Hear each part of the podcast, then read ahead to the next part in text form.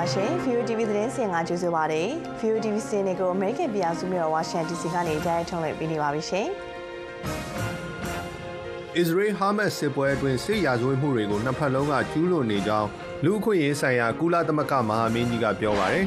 ။အာဆီယံခေါင်းဆောင်တွေနဲ့ဩစတြေးလျနိုင်ငံအကြားထိပ်သီးဆွေးနွေးပွဲကျင်းပမှာဖြစ်တဲ့အတွက်မြန်မာကလွဲလို့တခြားဒေသတွင်းနိုင်ငံခေါင်းဆောင်တွေအလုံးနီးပါဩစတြေးလျကိုသွားပါလိမ့်မယ်။ ရခိုင်ပြည်နယ်စစ်တွေမြို့မှာမြန်မာစစ်တပ်ဘက်ကပြစ်လိုက်တဲ့လက်နက်ကြီးကြောင့်အရက်သား12ဦးသေဆုံးပြီး30ကျော်ဒဏ်ရာရခဲ့တယ်လို့ရခိုင်တပ်တော် AA ကသတင်းထုတ်ပြန်ပါတယ်။ Israel Hamas တိုက်ပွဲတွေအတွင်းမှာစစ်ရာဇဝတ်မှုတွေကိုနှစ်ဖက်စလုံးကကျူးလွန်နေကြတဲ့အကြောင်းလူခွင့်ဆိုင်ရာကုလသမဂ္ဂမဟာမင်းကြီး Volker Turk ကဒီနေ့ပြောပြီးတော့အဲ့လိုကျူးလွန်သူတွေကိုအရေးယူနိုင်ရေးအတွက်စုံစမ်းစစ်ဆေးမှုတွေလုပ်ဖို့တိုက်တွန်းသွားပါတယ်။ စစ်ရာဇဝတ်မှုနဲ့တခြားနိုင်ငံတကာဥပဒေတွေအပါအဝင်နိုင်ငံတကာလူအခွင့်အရေးနဲ့လူသားချင်းစာနာမှုဆိုင်ရာဥပဒေတွေကိုနှစ်ဖက်လုံးကကျူးလွန်နေကြတယ်ဆိုပြီးလူခွင့်ရေးဆိုင်ရာမဟာမင်းကြီးကဆွစ်ဇာလန်နိုင်ငံဂျနီဗာမြို့မှာကျင်းပတဲ့ကုလသမဂ္ဂလူခွင့်ရေးကောင်စီကိုပြောသွားပါတယ်။စစ်ရာဇဝတ်မှုမြောက်တဲ့ကျူးလွန်မှုတွေကိုအစ္စရေးစစ်တပ်ကတော်တော်များများကျူးလွန်ခဲ့တယ်ဆိုပြီးဂါဇာနဲ့အနောက်ဘက်ကမ်းမြောင်ဒေသတို့ကလူခွင့်ရေးခြေနေတွေအကြောင်းအစီရင်ခံစာတင်သွင်းစဉ်မှာလူခွင့်ရေးမဟာမင်းကြီးကထည့်သွင်းပြောသွားတာပါ အစ္စရေးစစ်တပ်ကနိုင်ငံတကာဥပဒေတွေကိုချိုးဖောက်ပြီးတော့ပြစ်မှတ်တွေကိုစင်ကျင်တုံတရားမဲ့စွာပြစ်ခတ်ပြီးတော့တိုက်ခိုက်နေတယ်ဆိုပြီးတော့လည်းပြောပါတယ်အစ္စရေးဘက်ကတော့သူတို့အနေနဲ့အရက်သားတွေထိခိုက်ဒေဆုံးမှုနည်းနိုင်သမျှနည်းအောင်လို့လှုံ့ဆော်နေတယ်ဆိုပြီးတော့ပြောဆိုထားတာပါ။ ပြီးခဲ့တဲ့လအတွင်းမှာပဲအစ္စရေးအနေနဲ့ပါလက်စတိုင်းတွေကိုအစုလိုက်အပြုံလိုက်တပ်ဖြတ်တဲ့ဖြစ်ရမျိုးမဖြစ်အောင်ရှောင်ရှားဖို့နဲ့အရက်သားတွေကိုတက်နိုင်သမျှအကာအကွယ်စောင့်ရှောက်ပေးဖို့နိုင်ငံတကာရာဇဝတ်ခုံရုံး ICJ ကအမိန့်ထုတ်ထားပါတယ်။ဒါပေမဲ့လည်းနှစ်ဖက်အပြစ်ရကြဖို့ကိုတော့ဒီ ICJ ရဲ့စီရင်ချင်းချက်မှာထည့်သွင်းထားခြင်းမရှိသေးပါဘူး။ ရခိုင်ပြည်နယ်စစ်တွေမြို့မှာဒီနေ့မနက်ပိုင်း၈နာရီကျော်လောက်ကမြန်မာစစ်တပ်ဘက်ကပြစ်ခတ်လိုက်တဲ့လက်နက်ကြီးထိမှန်ပြီးတော့အရက်သား၁၂ယောက်တိဆုံးပြီးအယောက်30ကျော်ထိခိုက်ဒဏ်ရာရခဲ့တယ်လို့ရခိုင်တပ်တော် AA ကသတင်းထုတ်ပြန်ထားပါတယ်။ကလန်ဒန်မြစ်ထဲကနေပြီးတော့စစ်ကောင်စီရေးတပ်သင်္ဘောကပြစ်ခတ်လိုက်တဲ့လက်နက်ကြီးကြီးကလူစီကားတဲ့စစ်တွေမြို့ကိုရီးယားစိတ်ကန်းဈေးကိုကြားရောက်ပြီးတော့ပောက်ကွဲခဲ့ရကနေထိခိုက်ဒေဆုံးခဲ့တာဆိုပြီး AA အဖွဲ့ပြောခွင့်ရခိုင်ဒုခါက VOA ကိုပြောပါတယ်။ ဒီချိန်ထဲမှာပဲစစ်ကောင်စီဘက်လေကြောင်းတိုက်ခိုက်မှုအပါအဝင်2024ဇန်နဝါရီလကရခိုင်အရက်သား9ယောက်ကိုတပ်ဖြတ်ခဲ့မှုမှာကျူးလွန်ခဲ့တဲ့ဆိုတဲ့လက်နက်ချလာတဲ့မြန်မာစစ်တပ်တပ်သားတချို့ရဲ့ဝန်ခံချက်ဆိုပြီးတော့အေးရခိုင်တပ်တော်ကသတင်းထုတ်ပြန်ထားပါတယ်။2024ခုနှစ်ဖေဖော်ဝါရီလ26ရက်နေ့မှာဒီကြောင်းကနေပြီးတော့ပုံကျဲတိုက်ခိုက်ခဲ့တာကြောင့်စစ်ရုံဟာတရှိမြင်နေရတဲ့အတိုင်းတစီသွားတာဖြစ်ပါတယ်။ဒီစေးရုံဟာဆိုလို့ရှိရင်ဒီ ကျွန်တော်တို့ဒီကာစီထိန်းသိမ်းခံရတဲ့မြမတမတော်သားတွေအလင်းဝင်လာတဲ့သူတွေတမိသားစုဝင်တွေပြီးလို့ရှိရင်အနီးနားမှာရှိတဲ့ပြည်သူတွေကိုအဓိကထားစေဝါကုသပေးနေတဲ့နေရာတခုဖြစ်ပါတယ်အခုကိစ္စနဲ့ပတ်သက်ပြီးတော့မှကျွန်တော်ကျွန်တော်သဘောဆန္ဒအလျောက်ဆောင်ရွက်ခဲ့ခြင်းမဟုတ်ဘဲနဲ့အထက်ကပေးရတဲ့အမိန့်ရဆောင်ရွက်ခဲ့ခြင်းဖြစ်ပါတယ်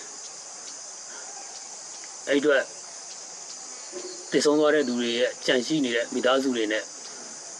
ရခိုင်ပြည်သူလူထုအားလုံးကိုအနူးညွတ်တောင်းပန်ပါတယ်ဒီနေ့စစ်တွေမျိုးကိုလက်နက်ကြီးနဲ့ပြစ်ခတ်တာကြောင့်အရဲသားတွေထိခိုက်သေးဆုံးတဲ့တဲ့င်းအပါဝင်လက်နက်ချတဲ့တပ်သားတွေရဲ့ဝန်ခံချက်ကိုအေးဘက်ကထုတ်ပြန်တဲ့ဗီဒီယိုတွေနဲ့ပတ်သက်လို့ VOA ကတီးခြားအတည်ပြုချက်မရသေးသလိုစစ်ကောင်စီဘက်ကလည်းတုံ့ပြန်ချက်ချက်ချင်းဆိုလို့ထွက်လာတာမရှိသေးပါဘူး။ ရခိုင်ပြည်နယ်ကတိုက်ပွဲတွေအတွင်းမှာတပ်စခန်းတွေလက်လွတ်ဆုံးရှုံးရပြီးတော့အထိနာနေတဲ့စစ်ကောင်စီကအရက်သားတွေနေထိုင်တဲ့မြို့ပေါ်ရက်ကွက်နဲ့လူနေကြေးရွာတွေစီးရုံတွေစာတင်ကျောင်းတွေကိုတိုက်ခိုက်တာတွေရှိနေတယ်ဆိုပြီးအေးအဖွဲ့ကသတင်းထုတ်ပြန်ထားတာပါပြီးခဲ့တဲ့ရက်ပိုင်းတွင်းကပဲမင်းပြမြို့နယ်မင်းဘူးစေယုံကိုစစ်ကောင်စီလေကြောင်းကနေပုံကျဲခဲ့တာကြောင့်စေယုံတစ်ခုလုံးပျက်စီးသွားသလိုစေကူတာမှုခံနေရတဲ့လူနာတွေစေယုံဝန်ထမ်းတွေအများပြားလည်းထိခိုက်ဒဏ်ရာရခဲ့တယ်ဆိုပြီးအေးဘက်ကထုတ်ပြန်ထားပါတယ်။ မြန်မာနိုင်ငံကကျောင်းသားတွေအတွက်ရည်ရွယ်ပြီးတော့ပေးအပ်မဲ့ပညာတော်သင်ဆုအစီအစဉ်ကိုအမေရိကန်ပြည်အောင်စုနိုင်ငံတကာဖွံ့ဖြိုးရေးအေဂျင်စီ USAID ကဒီနေ့မိတ်ဆက်လိုက်ပါတယ်။ထိုင်းနိုင်ငံဘန်ကောက်မြို့တော်မှာကျင်းပတဲ့ပညာတော်သင်ဆုမိတ်ဆက်အခမ်းအနားမှာ Diversity and Inclusion Scholarship မတူကွဲပြားမှုနဲ့အားလုံးပါဝင်ခွင့်ရှိသောပညာတော်သင်ဆုအစီအစဉ်အရမြန်မာနိုင်ငံကကျောင်းသားအယောက်တစ်ထောင်ကျော်ပညာတော်သင်ဆုတွေလက်ခံရရှိရမှာဖြစ်ပါတယ်။ အသက်25နှစ်အောက်လူငယ်45ရာခိုင်နှုန်းရှိနေတဲ့မြန်မာနိုင်ငံအနေနဲ့လူငယ်မျိုးဆက်သစ်တရက်ပျောက်ဆုံးတော့မဲ့အခြေအနေရင်ဆိုင်နေရတာဖြစ်ပြီးဒါကြောင့်မလို့ Diversity and Inclusion Scholarship စီစဉ်ကနေတဆင့်ဒီလိုအခြေအနေမျိုးဆက်ရောက်မသွားအောင်လို့တားဆီးဖို့ American ပြည်အောင်စုအနေနဲ့ကူညီဆောင်ရွက်တာဖြစ်တဲ့အကြောင်း American အသံရုံးအကြီးအကဲ Susan Stevenson ကအခမ်းအနားမှာပြောသွားပါတယ်။ ဒီပညာတော်သင်စုဟာဒေတာတွင်အစစ်မြင့်ပညာရေးကဏ္ဍနဲ့ပတ်သက်လို့မဟာဗျူဟာမြောက်ရင်းနှီးမြှုပ်နှံမှုဖြစ်တဲ့အကြောင်းလဲ USAID အာရှရေးရာလက်ထောက်အုပ်ချုပ်ရေးမှူး Michael Schiffer ကပြောပါတယ်။ဒါအပြင်ပညာတော်သင်စုနဲ့ပတ်သက်ပြီးတော့ပညာရေးနဲ့ပတ်သက်တဲ့အမေရိကန်ရဲ့တန်ဋိဌာန်ချဆောင်ရွက်မှုကိုပြသလိုက်တာဖြစ်ပြီးမြန်မာနဲ့ကမ္ဘာတလွှားမှာကောင်းမွန်တဲ့အကျိုးဆက်တွေပေါ်ပေါက်လာဖို့အတွက်ဖြစ်တယ်ဆိုပြီးတော့လည်းသူကပြောပါတယ်။ ပညာတော်သင်ဆုရရှိသူတွေကထိုင်းနိုင်ငံနဲ့ဒေသတွင်းနိုင်ငံတွေဖြစ်တဲ့ကမ်ဘောဒီးယားအိန္ဒိယအင်ဒိုနီးရှားနဲ့ဖိလစ်ပိုင်နိုင်ငံတွေအပြင်အမေရိကန်ပြည်အောင်စုအရီဇိုနာတက္ကသိုလ်ရဲ့အွန်လိုင်းစနစ်ကလည်းတဆင့်ပညာသင်ကြားခွင့်ရကြမှာဖြစ်ပါတယ်ရှင်။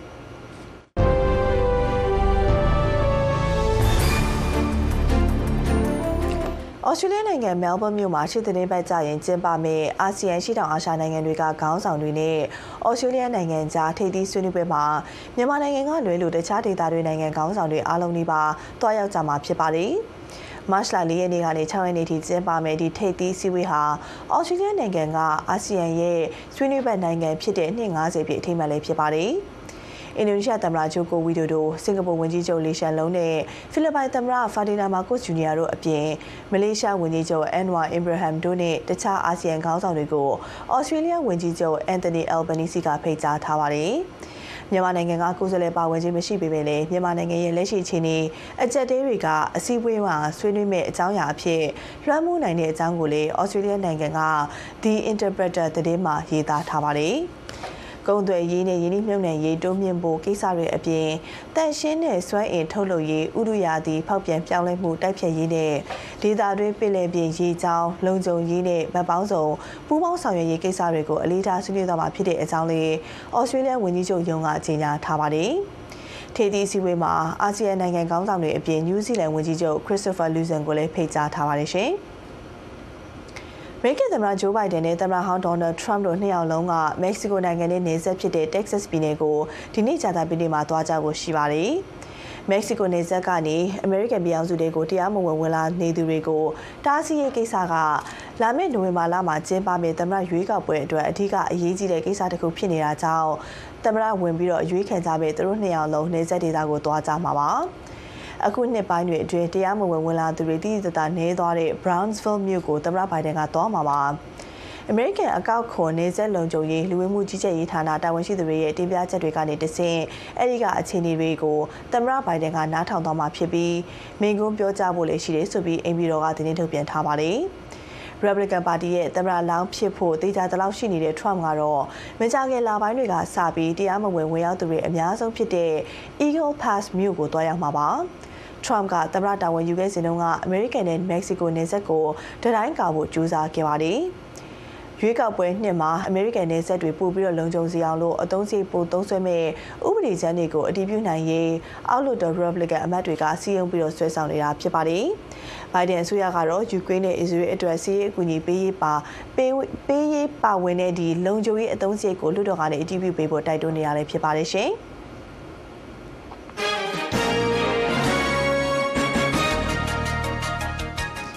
မေရိကန်သမ္မတဟောင်းဒေါ်နယ်ထရမ့်ကဒီ2020ပြည့်နှစ်အမေရိကန်သမ္မတရွေးကောက်ပွဲရလဒ်ကိုပြောင်းလဲဖို့နှောက်ယှက်ခဲ့တယ်ဆိုတဲ့ဆွဲဆိုချက်တွေနဲ့ပတ်သက်ပြီးပြည်ထောင်ကနေကင်းလွတ်ခွင့်ရှိမရှိဆုံးဖြတ်ကြဖို့အမေရိကန်တရားရုံးချုပ်ကမနေ့တုန်းကသဘောတူလိုက်ပါတယ်။သမ္မတဂျိုးဘိုင်ဒန်ကိုရှုံးနိမ့်ခဲ့တဲ့ရွေးကောက်ပွဲဟာမဲရလဒ်ကိုမတမာတဲ့နီးလန်းတွေနဲ့ခိုးယူခဲ့တယ်ဆိုပြီးသမ္မတဟောင်းထရမ့်နဲ့အပေါင်းပါတွေကလှုပ်ကြံပြီးတော့ဆွဆွဲခဲ့တဲ့အကြောင်းဖက်ဒရယ်တရားရုံးမှာတရားစွဲဆိုခံထားရတာဖြစ်ပါတယ်။ ရွေးကောက်ပွဲရလဒ်ကိုလွှတ်တော်ကအတိမပြုနိုင်အောင်လို့ရွေးချယ်ရေးအဖွဲ့ဝင်အတူတွေသုံးပြီးနှောက်ယှက်ဟန်တားခဲ့တယ်လို့ဒုသမ္မတဖြစ်ခဲ့တဲ့ Mike Pence အပေါ်မှာလေးဖိအားပေးပြီးတော့ရွေးကောက်ပွဲရလဒ်ပြက်ပြက်အောင်လို့ကြိုးစားခဲ့တယ်ဆိုပြီး Trump ကဆွဆွဲထားပါတယ်။သမ္မတဟောင်းထရမ့်အနေနဲ့သူသမ္မတတာဝန်ထမ်းဆောင်ခဲ့တဲ့အချိန်ကကျူးလွန်ခဲ့တဲ့ဆိုတဲ့ရာဇဝတ်မှုနဲ့ပတ်သက်လို့သမ္မတဖြစ်ဖူးတဲ့သူတွေရဲ့ရပိုင်ခွင့်ကိုဘယ်တိုင်းတာထိရပြီးပြည်ထောင်ကနေကင်းလွတ်ခွင့်ရှိမရှိတရားရုံးချုပ်ကဆုံးဖြတ်မဲ့အကြောင်းကြေညာချက်ထုတ်ပြန်ထားပါတယ်။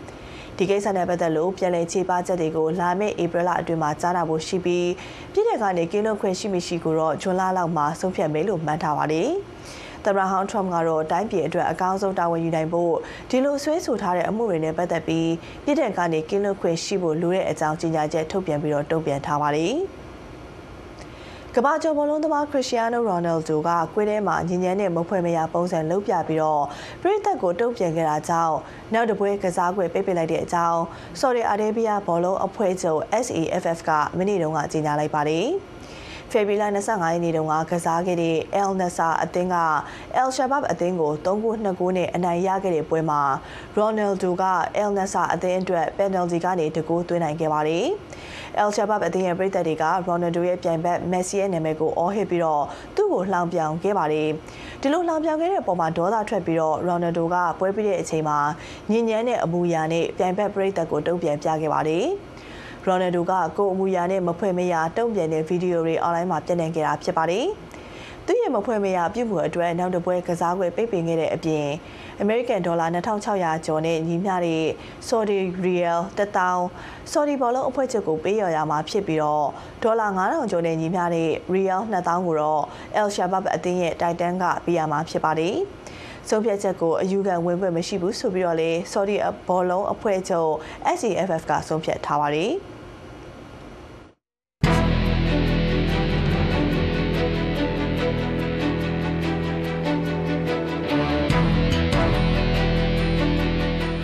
VOE TV သတင်းစီရင်တွေကိုဝါရှင် DC မြို့ကနေတိုက်ရိုက်ထုတ်လွှင့်ပေးနေတာဖြစ်ပါတယ်။အခုဆက်ပြီးတော့သတင်းဆောင်မတွေကိုတင်ဆက်ပေးသွားမှာဖြစ်ပါတယ်။ online ကနေတဆင့်အကောင့်တူတွေနဲ့ချစ်ခင်ဟန်ဆောင်ပြီးတော့ယင်းနှိမ့်မြုံနှံမှုအတူတွေလောက်ခိုင်းတဲ့လိမ့်လည်မှုတွေကြောင့် American ပြည်အောင်စုမှာလည်းဘဝပြက်ပြီးတော့ထိခိုက်ရသူတွေတောင်းနေချီရှိနေတယ်ဆိုပြီး American ဗဟိုအစိုးရစုံစမ်းစစ်ဆေးရေးဘျူရို FBI ကပြောပါတယ်မြန်မာနိုင်ငံအပါအဝင်ရှေ့တောင်အာရှနိုင်ငံတချို့မှာအခြေစိုက်တဲ့ online လိမ်လည်တဲ့လုပ်ငန်းတွေကကမ္ဘာပြဿနာကြီးတစ်ခုဖြစ်လာနေပြီးတော့နိုင်ငံဖြတ်ကျော်အုပ်စုဖွဲ့ပြီးလိမ်လည်တဲ့မှုခင်းတွေအတွက် တကဘာလုံးကဝိုင်းတုံ့ပြန်ဖို့လိုနေပြီဆိုပြီး American ပြည်အောင်စုကယ်လီဖိုးနီးယားပြည်နယ်က Santa Clara ခရိုင်တူးရှိနေချုပ်ကပြောပါတယ်။ AB သတင်းဆောင်မကိုအခြေခံပြီးတော့ကိုငင်းချမ်းကတင်ဆက်ထားပါတယ်ရှင်။အသက်38နှစ်အရွယ်အိန္ဒိယနွယ်ဘွားရှရီယာဒက်တာဟာအမေရိကန်ပြည်ထောင်စုပန်ဆယ်ဗေးနီးယားပြည်နယ်ဖီလာဒဲလ်ဖီးယားမြို့မှာနေထိုင်ပြီးဤပညာနဲ့အသက်မွေးသူတဦးဖြစ်ပါတယ်။ ဖီလာဒဲလ်ဖီးယားမြို့အခြေစိုက်တဲ့ပြင်သစ်ဝိုင်းကုန်တယ်လို့အယောင်ဆောင်ထားတဲ့ online အကောင့်အတုနဲ့လူတစ်ယောက်ကသူ့ကိုလာနဲ့ချီချစ်ခင်ဟန်ဆောင်ဆွဲဆောင်မှုရှိတဲ့ဓာတ်ပုံအတုတွေ AI နဲ့ဖန်တီးထားတဲ့ deepfake ဗီဒီယိုအတုတွေ emoji လို့ခေါ်တဲ့ရုပ်ပြောင်စာလေးတွေပို့ပြီးနှူးနှက်ခဲ့တာပါ Ansel လို့နာမည်ပေးထားတဲ့အကောင့်တုနဲ့လူကသူမကို American ဒေါ်လာ၄သိန်းခွဲပို့လောက် cryptocurrency ခရစ်ပတိုငွေကြေးယင်းနှိမ့်မြုပ်နှံမှုအတုလောက်ခိုင်းပြီးလိန်သွားခဲ့တာပါရှူရာဒက်တာကသူအလိန်ခံရပုံအစကိုအခုလိုပြောပြပါတယ် So Ansel came across as very different in terms of how you approach the whole process of သူက dating app မှာတွေ့လို့စကားပြောရတဲ့သူတွေနဲ့မတူပါဘူးသူ့လုပ်ပုံချီကပ်ပုံကအယမ်းကွာပါတယ်ရိုးသားပုံလည်းရပါတယ်သူက တကယ်အတီတွဲမဲ့လူကိုလိုချင်တာလို့ပြောခဲ့ပါတယ်။စာရိုက်လိုက်ရင်လည်းအမြဲတုံ့ပြန်ပြီးတော့ကျမကိုလည်းအချိန်အများကြီးပေးပါတယ်။ dating app မှာတွေ့တဲ့သူတွေကများသောအားဖြင့်ကစားကျင်ကြတဲ့သူတွေကြီးပါပဲ။တခါတလေစကားပြန်မပြောတာရက်နဲ့ချီကြာသွားတတ်ပြီးတော့တခါတလေမှပြန်ပြောတဲ့သူကြီးပါပဲ။ဗလာတောင်းတောင်းပုံနဲ့ answer ဟာသူမကိုအချိန်ပေးဖို့အတွက် dating app ကအကောင့်ကိုဖျက်ပစ်လိုက်ပြီးသူတို့ဟာ WhatsApp ဆိုတဲ့စကားပြောတဲ့ app မှာဆက်ပြောကြပါဗျ။ နေ့စဉ်ဘာလုပ်နေလဲဘာနဲ့စားလဲဆိုတဲ့ဂယုစိုက်တဲ့စာသားလေးတွေဟာလင်ယောက်ျားဖြစ်သူနဲ့ကွာရှင်းထားတဲ့ data အဖို့တာယာစရာတွေဖြစ်ခဲ့ပါတယ်။အပြင်မှာတွေးဖို့စီစဉ်ခဲ့ပေမဲ့လည်းမဖြစ်မြောက်ခဲ့တာကိုတန်တရားမဝင်ခဲ့ပဲမနစ်က Valentine Day ချစ်သူများနေ့မှာလဲ data အတွက် Philadelphia မြို့ပန်းဆိုင်ကပန်းစည်းနဲ့ကတ်လက်ဆောင်လေးတွေကိုပေးပို့ခဲ့ပါတယ်။အဲ့ဒီနောက်မှာတော့ answer ဟာ သူဟာအလုံးမလုံးတော့ပဲအနားယူအေးအေးဆေးဆေးနေနိုင်တဲ့လူဖြစ်နေပြီဆိုတဲ့အကြောင်းနဲ့ data အနေနဲ့လည်းအသက်65နှစ်အထိအလုံးလုံးဆရာမလိုပဲအေးအေးဆေးဆေးနေနိုင်မှုယင်းနှိမြုံနှံမှုတွေလုပ်တဲ့အကြောင်းတိုက်တွန်းသိမ်းသွင်းခဲ့ပါတယ်ဒီအကြောင်းကို data က And then I remember thinking that's true like you know there is ကျမအဲ့ဒီချိန်တုန်းကစဉ်းစားမိတာကသူပြောတာလဲဟုတ်တာပါပဲ အလုပ်လုံးဝမလုပ်ဘဲနေနိုင်တဲ့သူတွေရှိတာပဲကျမလည်းသူတို့လိုဖြစ်ချင်တာပါအဲ့ဒီလိုနဲ့စခဲ့တာပါတေးသေးလေးနဲ့စခဲ့တာပါရှင်ဘာလုပ်ခဲ့လဲဆိုတာပြလေသူကလည်းသူလုပ်ခဲ့တာကိုပြပါတယ်အဲ့ဒါနဲ့ crypto ငွေကြေးအယောင်းဝယ်နှစ်ခါလောက်စလုပ်ပါတယ်အဲ့တော့ကကျမဘဏ်ထဲကိုပတ်စံတွေပြန်ရွှေ့လို့ရခဲ့တယ်လေအခုလိုချစ်ခင်ဟန်ဆောင်ပြီး online ကနေ crypto ငွေကြေးဝယ်ခိုင်းတဲ့လိမ်လည်မှုတွေကြောင့် ပြီးခဲ့တဲ့နှစ်ကအမေရိကန်ပြည်ထောင်စုမှာလူပေါင်း4000ကျော်အလိမ်ခံခဲ့ရတယ်လို့တိုင်ကြားခဲ့ပြီးအမေရိကန်ဒေါ်လာ3.5ဘီလီယံဆုံးရှုံးခဲ့ရတယ်လို့ FBI ဗဟိုစုံစမ်းစစ်ဆေးရေးဘျူရိုအင်တာနက်ရာဇဝတ်မှုတိုင်ကြားရေးဌာနကပြောပါရယ်ဒီလိုလိမ်လည်မှုတွေဟာအလွန်ကိုဆိုးရွားပြီးခံရတဲ့သူစီကနေကြပြားမကြံယူဖို့လုပ်တာမျိုးဖြစ်တယ်လို့ကယ်လီဖိုးနီးယားပြည်နယ်ဆန်တာကလာရာခရိုင်ဒူးရှိနေချုပ် Erin West ကပြောပါရယ် What this is is a scam of Chinese origin, and it is called pig butchering because it is meant တရုတ်နိုင်ငံသားတွေစီကစတဲ့လိမ်လည်မှုမျိုးပါဝတ်တက်တယ်လို့ခေါ်ပါတယ်။သားကောင်စီကအမိကနေနှာခေါင်းထိယူဖို့လုပ်တာမျိုးပါ။အဲ့လိုမျိုးလိမ်လည်မှုတွေဟာအလွန်ကိုဆိုးဝါးပြီးတော့ခံရတဲ့သူစီကနေတပြားမှမကြံယူဖို့လုပ်တာမျိုးပါ။အချိန်ယူပြီးတော့လိမ်လည်တာပါ။ချစ်ခင်ဟန်ဆောင်ပြီးရင်းနှီးမြုပ်နှံမှုအတုလုပ်ခိုင်းတာပါ။ ဆက်ဆက်ရေးရေရှည်တီထောင်ပြီးလိမ်တဲ့အတွက်ခံရတဲ့သူကလိမ်တဲ့သူကိုလုံးဝယုံကြည်သွားတာမျိုးပါ။ဒီလိုလိမ်လည်မှုမျိုးကနေပတ်စံပြန်ရဖို့မလွယ်သလိုခံရတဲ့သူကလည်းရှက်တဲ့အတွက်တိုင်ကြားတာမျိုးနည်းနေပါသေးတယ်။တချို့တွေဆိုရင်ရှက်ပြီးစိတ်သက်ကြတဲ့အတွက်ကိုယ့်ဘာသာကိုအန်ဒီရပေးတဲ့အဆင့်ထိရောက်နိုင်ပြီးတော့အလိန်ခံရတဲ့ငွေကိုပြန်ရဖို့ကြိုးစားတာကနေတချို့တွေဆိုရင် နောက်ထပ်ပြန်ရဖို့ကြိုးစားပေးတဲ့လူအတုတွေနဲ့ထပ်ကြုံရနိုင်ပါတယ်။ ဒါကြောင့်တကဘာလုံးကတုံ့ပြန်ဖို့လိုနေပြီလို့ခရိုင်ဒူးရှိနေချုပ် Erin West ကပြောပါတယ်။ On the global scale, we have a massive problem with transnational organized crime. အထူးသဖြင့်မြန်မာကမ္ဘောဒီးယားနဲ့လာအိုအပါအဝင်အရှိတောင်အာရှတလွှားအခြေစိုက်တဲ့ဂိုင်းဖွဲ့ကျူးလွန်တဲ့ရာဇဝတ်မှုတွေဟာကမ္ဘာအဆင့်ပြဿနာကြီးဖြစ်လာနေပါပြီဒီလိုပြဿနာကြီးကိုတစ်ကမ္ဘာလုံးကတုံ့ပြန်ဖို့လိုပါတယ် သူမရဲ့စုဆောင်းထားတဲ့ငွေတွေအပြင်အကျွေးတွေထပ်ချီးခိုင်းပြီးရင်းနှီးမြုပ်နှံခဲ့တဲ့ data ဟာဆိုရင်လည်းအလိန်ခံရပြီးတဲ့နောက်အကျွေးတွေတင်နေသလိုစိတ်ထိခိုက်သွားရတာကြောင့်စိတ်ကူနေရပါတယ်။သူမစီကိုပို့ခဲ့တဲ့ပုံတွေဟာဂျာမနီကကာယဗလလေးကျင်ငန်းဆရာ influencer တဦးရဲ့ပုံတွေဖြစ်နေမှန်းနောက်မှ reverse ဓာတ်ပုံရှာနီးနဲ့တွေ့ခဲ့ရတာပါ။ data ကတုံးအပ်သလိုသူခန်းစားနေရတဲ့အကြောင်းအခုလိုပြောပါတယ်။ When I realized it was all a scam and all the money was gone, I had proper PTSD symptoms. ကျမအလိန်ခံရတယ်အားလုံးဟာအလိန်တွေကြီးပါပဲပတ်စံတွေလည်းကုံသွားပြီလို့သိရတဲ့အချိန်မှာကျမစီမှာ PTSD ယောဂလက္ခဏာတွေအကုန်ဖြစ်နေပါတယ်အစားအသောက်ပြတ်တာအိတ်လို့မရတာစားလို့မရတာဘာမှလည်းလုပ်လို့မရတော့ပါဘူးအလုပ်ကတော့ဆက်ပြီးတော့လုပ်နေရပါတယ်အရန်ကြောက်ဖို့ကောင်းပါတယ် ပထမလမှာရင်ကျမရဲ့ပေါင်အလေးချိန်ဟာ20လောက်ကျသွားပါတယ်ဒါကြောင့်အခုလို PPE နဲ့ချစ်ခင်ဟန်ဆောင်လိန်သွားတဲ့ online အလိမ်မျိုးကိုခံရတဲ့သူတွေအနေနဲ့ရှက်ဖို့မလိုဘူးလို့ခရိုင်ဒူးရှိနေချုပ် Erin West ကပြောပါတယ်ခင်ဗျာ ကရင်ပြည်နယ်ကပညာသင်ရမယ့်အရွယ်ကလေးတွေနဲ့လူငယ်တွေကငြင်းငြင်းကြကြပညာသင်ကြားခွင့်တွေဆုံးရှုံးနေရတဲ့အပြင်ဆရာနာရှင်စနစ်ရဲ့လူငယ်တွေရဲ့ပညာရေးကိုစနစ်တကျတားဆီးပိတ်ပင်တာတွေကြုံနေရတယ်ဆိုပြီးကရင်အမျိုးသားအစည်းအရုံး KNU ရဲ့ကရင်ပညာရေးနဲ့ယဉ်ကျေးမှုဌာန KECD တာဝန်ခံဘဒိုစောလောအဲမူကပြောပါတယ်။မဲညိုလွင်ကတင်ဆက်ထားပါတယ်ရှင်။ စစ်အာဏာသိမ်းပြီးနောက်ပိုင်းကရင်ပြည်နယ်တွင်းမှာဖြစ်ပွားနေတဲ့နှစ်ဖက်တိုက်ခိုက်မှုတွေစစ်ကောင်စီဘက်ကလက်နက်ကြီးနဲ့ပစ်ခတ်မှုတွေလေရင်နဲ့ဘုံကျဲတိုက်ခိုက်မှုတွေကြောင့်ဒေသခံတွေစစ်ဘေးရှောင်ထွက်ပြေးနေရတဲ့အတွက်ကလေးတွေနဲ့လူငယ်တွေရဲ့ပညာရေးတွေမှာထိခိုက်မှုတွေအများကြီးဖြစ်လာရတယ်လို့ KNU ရဲ့ကရင်ပညာရေးနဲ့ယဉ်ကျေးမှုတာဝန်ခံဖရိုစောလောအဲမှုကပြောပါတယ်အထူးသဖြင့်ဒီမြောက်ပိုင်းခရိုင်နဲ့ဒီဒုပလာယာခရိုင်မှာကြတော့အော် တော်တော်များများကျောင်းတွေယူရတဲ့မှာကျွန်တော်တို့မနေရတော့တာရှိတယ်တောထဲမှာပဲပုံးဆောင်ပြီးတော့မှယာယီစံတင်ကျောင်းမျိုးဒီဟိုစားတောထဲမှာအော်သင်ရတယ်မျိုးရှိတယ်အဲ့ဒီမှာတော့ခုန quality education ကျွန်တော်ကျွန်တော်တို့ကောင်းကောင်းရနိုင်ဖို့အတွက်ကျွန်တော်တို့မလုပ်နိုင်ဘူးပေါ့လေနော်။ဘာဖြစ်လဲဆိုတော့ခုနလိုမျိုးပဲဒီကျွန်တော်သတ်မှတ်ထားတဲ့စာစာသင်ခြင်းအာကျွန်တော်တို့ဒီအရင်တော့ကသတ်မှတ်ထားတဲ့စာသင်ခြင်းအထက် 80ရာခိုင်နှုန်းလောက်ကကျွန်တော်တို့ shop ပေးလိုက်ရတာရှိတယ်ပြီးမှလည်းတစ်ချိန်တည်းမှာပဲကျွန်တော်တို့ကဘယ်အချိန်လင်းရင်ပြန်ဘုံလာကျဲမလဲဘယ်အချိန်လက်နဲ့ကြီးအာကြားရောက်မလဲဘယ်အချိန်စစ်ကြောင်းထိုးလာမလဲဆိုတာကကျွန်တော်တို့ဒီပညာရေးလှုပ်ရှားနဲ့ကျွန်တော်တို့ဆရာဆရာမတွေကကြိုတင်ပြီးတော့သိမနေဘူးဒါကြောင့်ဒီနေ့ညကပဲကျွန်တော်တို့ဒီကျောင်းတစ်ကျောင်းထဲမှာရွာထဲမှာ ဟိုဘုံဒီကြလာတော့လက်နေကြီးနဲ့ပြည်လာတော့ကျွန်တော်တို့ဆရာတယောက်တောင်ထိသေးတယ်ပြီးခဲ့တဲ့ပတ်လဲခုနဒီအာရွာထဲမှာလက်နေကြီးကြတော့ကျွန်တော်ကျောင်းသူကျောင်းသားနှစ်ယောက်ဆရာဆရာမပါဝင်ဟိုထိခိုက်တာရှိတာပေါ့လေနော်ဒါကြောင့်သူတို့ရဲ့လုံခြုံမှုသူတို့ရဲ့ဟိုဇာ safety security ပေါ့လေနော်အများကြီးထိခိုက်တဲ့အပေါ်မှာကဒီပညာရေး quality ပေါ့အာ ကျွန်တော်တို့အဲ့ဒီဘိုင်းမှာဟိုဇာလို့သွားလို့မြောက်ပါနေနော်ရွာထဲမှာနေ့လည်ခင်းမှာစာပြန်လာတင်တယ်ညနေမှာကြတော့တောထဲမှာပြန်အိပ်ရတယ်ဥမာဖြစ်ဒါပေမဲ့နောက်ပိုင်းမှာကြတော့အဲ့လိုမျိုးလည်းမရတော့ပြန်ဘူးအော်အဲ့ဒီအပေါ်မှာကဥမာဖြစ်ညနေ6နာရီဆိုရင်မိမထွန်ရတော့ဘူးဟိုဘာမှမလုပ်ရတော့ဘူးအဲတော့ကျဲလိုမျိုးဝတ်နေရတဲ့အနေအထားမှာကကလေးတွေစာဘယ်လိုဖတ်မလဲ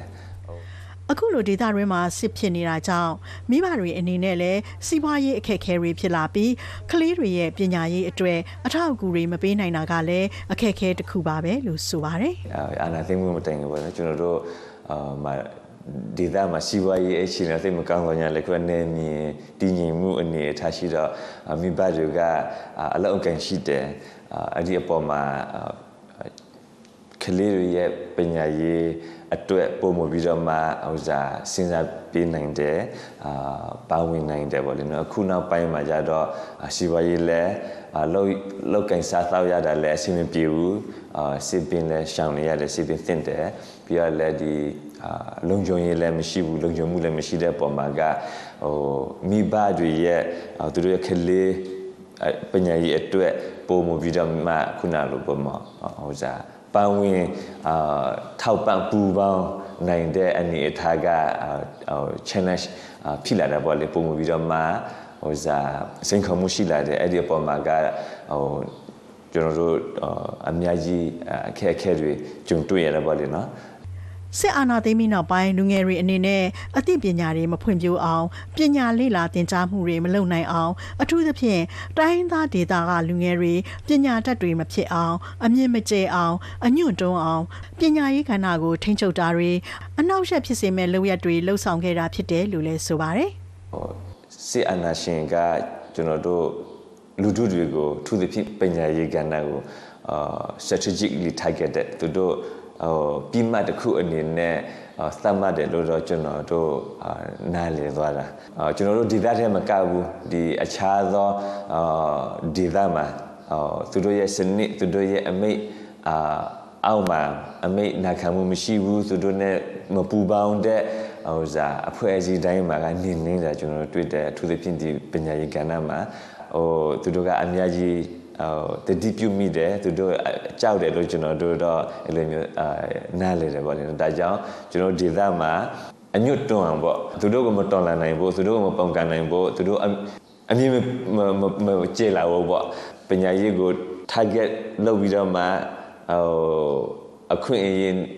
မရအောင်ကြိုးစားတယ်တစ်ဖက်မှာလည်းဒီကျွန်တော်ဒေသမှာဒုစရိုက်တွေများလာအောင်သူတို့ကြိုးစားတယ် အာသူသဖြင့်ဒီလောင်ဝဇာတို့မူရေးစေဝါတို့အဲ့ဒီကိစ္စတွေကဝင်လာတာကျွန်တော်တို့တွေ့ရတယ်ဒါရည်ရွယ်ချက်ရှိရှိကျွန်တော်တို့တိုင်းရင်းသားသူတွေကိုဟိုဇာပြည့်စည်အောင်ပြီးတော့သူကျွန်တော်တို့တိုင်းရင်းသားတွေခုနပညာရေးအာမရအောင်သူတို့ကိုမပုံကပုံကံဖို့အချိန်မရှိအောင်အော်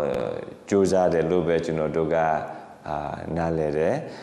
ဒါကြောင့် KECD အနေနဲ့ကတော့ကရင်ပြည်နယ်ရင်းမှာတိမ့်တဲ့ချီရှိနေတဲ့ပညာသင်ကြားရမယ့်အရွယ်ကလေးငယ်တွေနဲ့လူငယ်တွေအတွက်ရွေးရှားပညာသင်ကြားရတဲ့နည်းလမ်းတွေကိုသုံးပြီးအတက်နိုင်ဆုံးပညာရေးအစစ်မပြတ်အောင်သင်ကြားမှုတွေပြုလုပ်ပေးနေကြပါတယ်လို့လည်းဖရိုဆောလောအမှုကပြောပြခဲ့ပါတယ်ရှင်။ကျွမ်းညွညွလွင်ပါ တောင်ကိုရီးယားနိုင်ငံကနာမည်ကျော် K-pop ဂီတ K-pop အဖွဲ့ Blackpink အဖွဲ့တွေကဒီ Jisoo ကကိုပိုင်ဖျော်ဖြေအေဂျင်စီထောင်လိုက်ပါတယ်။ဗြိတိန်နိုင်ငံက London Fashion သတင်းပတ်အတွင်းမှာ Burberry Fashion Show ပွဲကိုနာမည်ကြီးတော်တော်များများတက်ရောက်ခဲ့ကြပါတယ်။ဒီလိုနာမည်ကျော်ကြားသူတွေနုပညာသတင်းတွေကိုတက်တက်အောင်သတင်းလွှာစီမှာမဲသနာကျော်ကတင်ဆက်ထားပါတယ်ရှင်။